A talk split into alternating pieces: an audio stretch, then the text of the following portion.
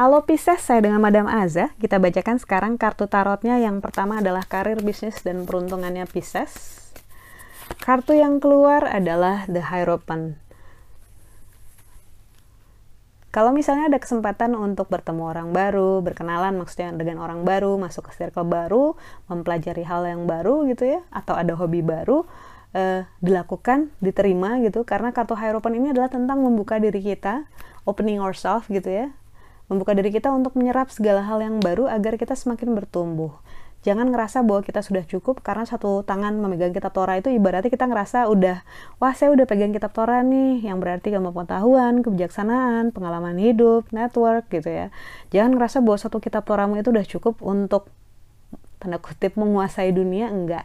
Kita selalu perlu update diri kita kita selalu perlu upgrade diri kita. Kartu ini adalah tentang hal-hal seperti itu. Jadi jangan berhenti untuk mempelajari hal-hal baru bertemu atau berkenalan membuka diri untuk orang yang juga baru.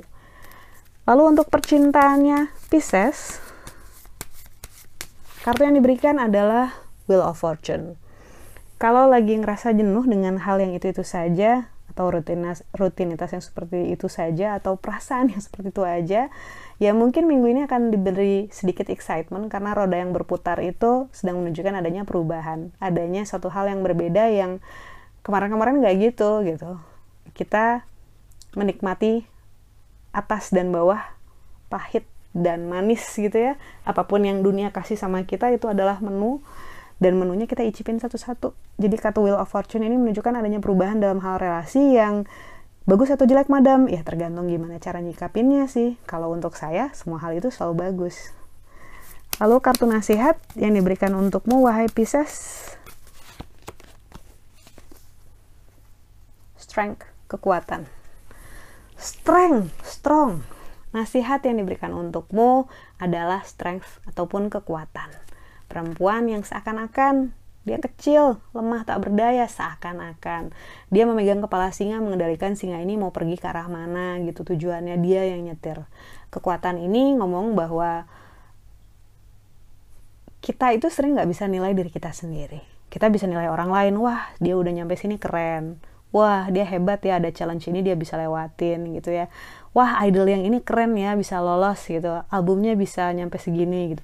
Tapi diri kita sendiri kita nggak sadar seberapa kuat kita seberapa hebat kita seberapa sanggup kita gitu ya untuk kamu bisa nyampe di posisi sekarang, di kondisi sekarang, itu juga udah hal yang bagus, sangat bagus gitu. Jadi kayak kartu strength ini merupakan afirmasi bahwa kamu kuat, bahwa kamu bisa, kamu sungguh berharga, kamu sungguh layak, segala hal yang baik yang kamu pertanyakan apakah saya ABC gitu ya jawabannya adalah kamu kuat kamu bisa kamu sanggup kamu berharga kamu boleh melakukan hal-hal yang bisa membahagiakan kamu. Tentu saja selama tidak melanggar hukum dan menyakiti orang lain dan menyakiti diri sendiri ya gitu.